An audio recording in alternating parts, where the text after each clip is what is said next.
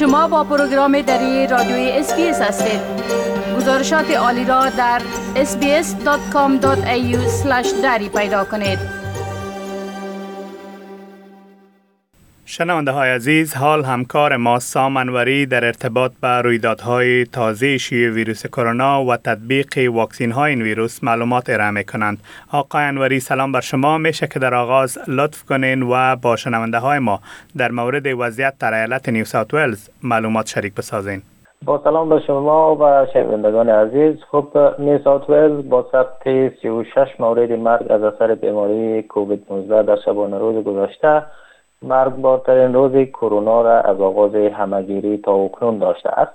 قبل از این بلندترین آمار روزانه مرگ و میر کرونا در نیسات ولز 29 نفر بود. همزمان تعداد افراد بستری شده در شفاخانه های ایالت نیسات ولز به 2850 نفر و شمار بیماران تحت مراقبت شدید به 209 نفر افزایش یافته است.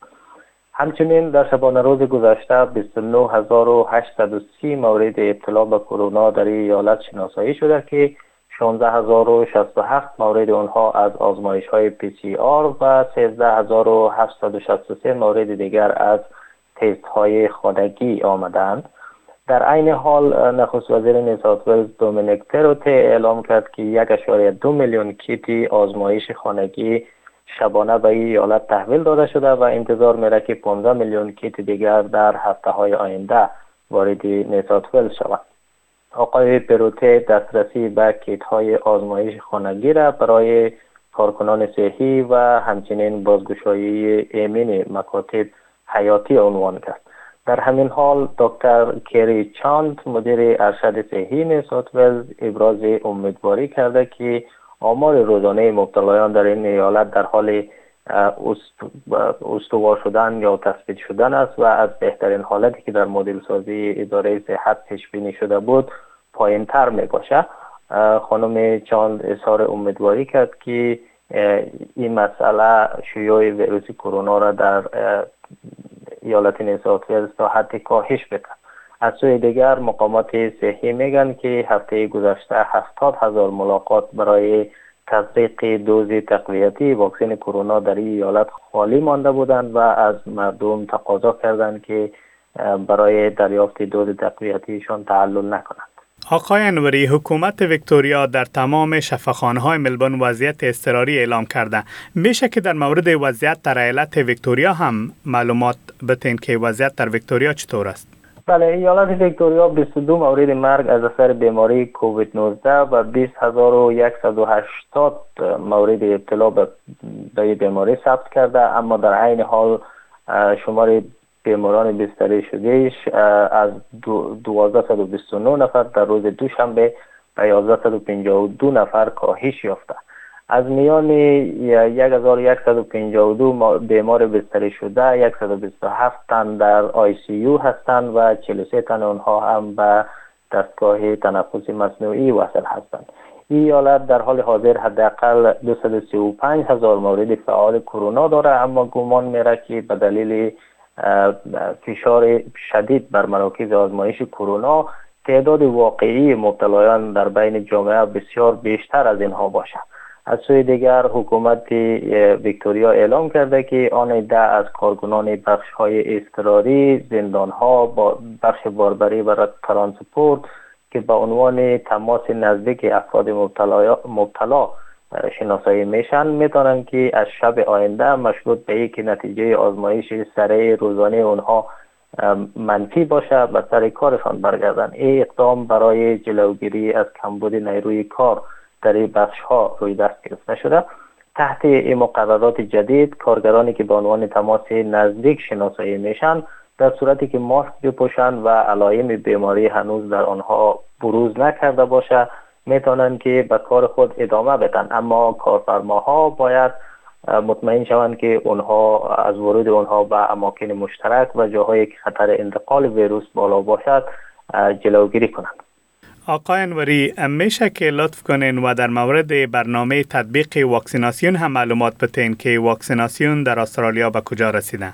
بله کارزار واکسیناسیون در استرالیا تا اکنون پیشرفت خوبی داشته از آغاز این کارزار در اوایل سال گذشته تا فعلا بالای 46 میلیون و 69 هزار دوز واکسن کرونا در سراسر استرالیا تطبیق شده تا اکنون بیش از 91.5 درصد ساکنان بالای 12 سال استرالیا با دو دوز و بیش از 23.22 درصد آنها با سه دوز واکسینه شدند اما اگر تمام ساکنان واجد شرایط واکسین را که از کودکان پنج ساله آغاز میشه محاسبه کنیم میزان واکسیناسیون دو دوزه به 77.9 درصد و سه دوزه به 19.75 درصد می‌رسه.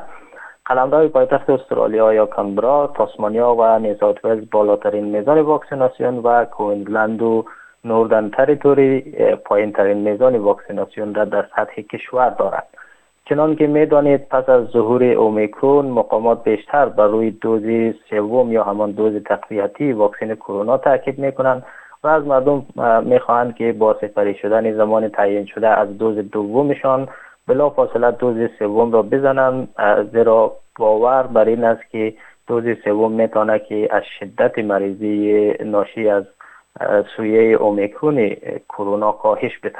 آقای انوری حال اگر لطف کنین و درباره آمار مجموعی مبتلایان و قربانیان ویروس کرونا در استرالیا و جهان معلومات بتین بله شمار مجموعی مبتلایان ثبت شده کرونا در استرالیا به نزدیک به یک میلیون نفر و تعداد قربانیانش هم به بیش از 2668 نفر رسیده. در شبانه روز گذشته علاوه بر نیوزاوت و ویکتوریا 15962 مورد ابتلا و 16 مورد مرگ در کوینزلند و 1310 مورد ابتلا در تاسمانیا ثبت شدند قابل ذکر است که امروز نه تنها برای نیوزاوت بلکه در سطح کشور هم مرگبارترین روز کرونا محسوب میشه. در سطح جهان آمار گزارش شده مبتلایان کرونا به بیش از 330 میلیون و 183 هزار نفر و شمار قربانیانش هم به بالای 5 میلیون و 544 هزار نفر رسیده ایالات متحده آمریکا با ثبت بیش از 66 میلیون 375 هزار مورد ابتلا و بالای 851 هزار قربانی هنوز در صدر فهرست جهانی قرار دارد در عین حال بر بنیاد آمار جمعآوری شده توسط دانشگاه جان هاپکینز تا اکنون بیش از 9 میلیارد و 649 میلیون دوز واکسن کرونا در سراسر جهان تطبیق شدهاند. آقای انوری تشکر از این معلوماتتان روز خوش داشته باشین. تشکر از شما خدا نگهدار. بپسندید، شریک سازید و نظر دهید. اسپیس دری را در فیسبوک تعقیب کنید.